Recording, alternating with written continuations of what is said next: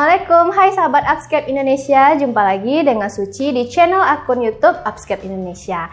Nah, untuk kesempatan kali ini kita akan membahas mengenai weight bearing exercise. Tapi sebelum itu seperti biasa jangan lupa klik tombol subscribe bagi yang belum subscribe Dan jangan lupa like video ini juga bagikan kepada teman-teman lainnya Oke, langsung saja kita mulai. Untuk kali ini kita akan membahas weight bearing exercise. Weight bearing exercise adalah salah satu tindakan ambulansi dini yang kita lakukan pada pasien dengan fraktur ekstremitas. Nah, apa itu ambulasi dini? Nah, ambulasi dini itu sendiri adalah suatu tindakan untuk mobilisasi pasien sesegera mungkin pasca operasi fraktur, itu dari pasien terbangun, pasien turun dari tempat tidur dan berjalan nantinya.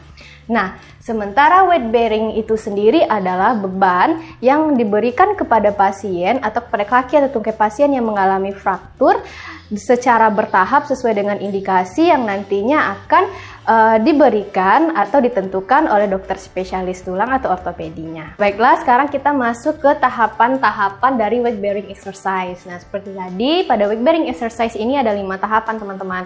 Ya, yang pertama itu adalah non weight bearing. Nah, non weight bearing ini adalah tahapan yang pertama yaitu diberikan ketika pasien sudah tiga minggu pasca operasi. Nah, di sini kaki pasien yang mengalami cedera tidak boleh menyentuh lantai sehingga kakinya itu tergantung atau bisa dibilang beban yang diberikan pada kaki yang cedera itu cuma 0%, tidak diberikan beban. Jadi kakinya masih menggantung dan belum bisa dipijakan. Itu yang non weight bearing. Nah, selanjutnya apabila seandainya dokter telah menilai pasien sudah mampu melewati dari non weight bearing ini tahapan non weight bearing, kita masuk ke tahapan yang kedua yaitu di sini ada top down weight bearing. Nah, jadi pada top down weight bearing, pasien sudah bisa menyentuhkan kaki ke lantai, kaki yang cedera ke lantai, namun dengan catatan berat beban yang diberikan pada kaki yang cedera itu cuma 5% atau ke bawah, tidak boleh lebih dari 5%. Nah, hal ini dilakukan juga dalam 3 minggu, tapi setelah setelah melewati masa non weight bearing tergantung dengan indikasi atau order yang diberikan oleh dokter.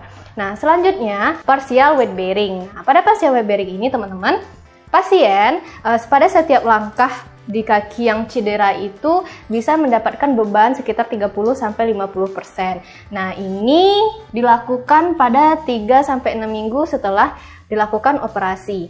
Nah, ini juga harus dilakukan baru bisa dilakukan ketika kalus sudah terbentuk pada kaki yang cedera atau yang dioperasi. Nah, setelah pasien sudah mampu untuk mendapatkan beban pada kaki yang cedera 30-50%, kita masuk ke tahapan weight bearing as tolerate, yaitu weight bearing yang diberikan adalah semampu pasien. Jadi, di sini pasien sudah mampu diberikan beban pada kaki yang cedera 50-100% dari beban tubuh pasien.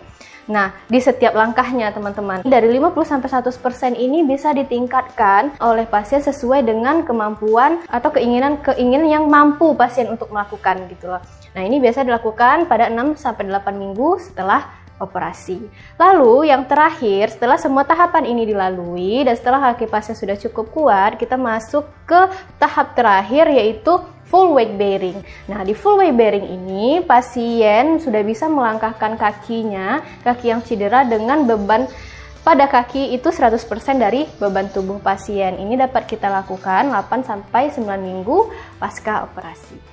Kita masuk ke contoh soal tentang weight bearing exercise. Nah, di sini udah ada contoh soalnya teman-teman, yaitu seorang laki-laki 35 tahun datang ke klinik fisioterapi untuk di fisioterapi.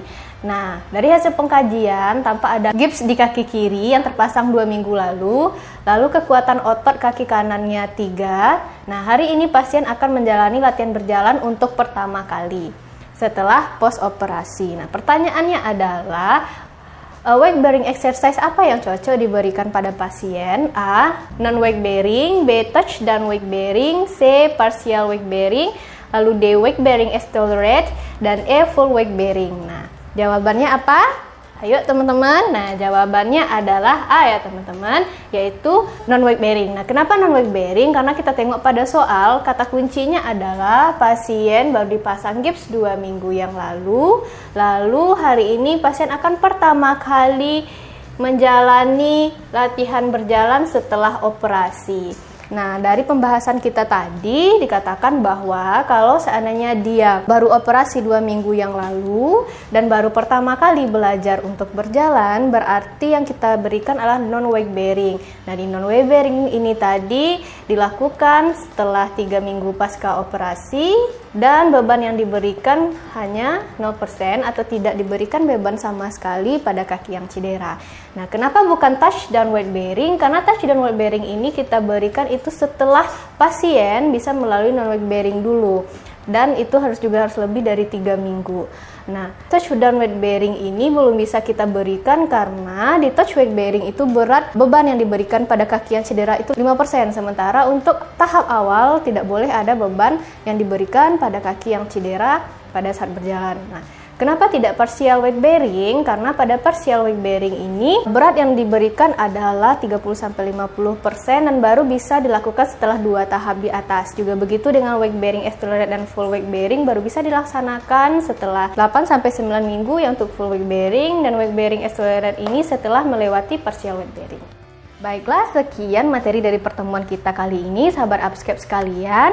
Nah, Jangan lupa silahkan di like video ini dan share kepada teman-teman lainnya. Dan tadi yang belum subscribe silahkan di subscribe dan kalau seandainya teman-teman ada pertanyaan silahkan ditanya di kolom komentar di bawah akan kami jawab nantinya.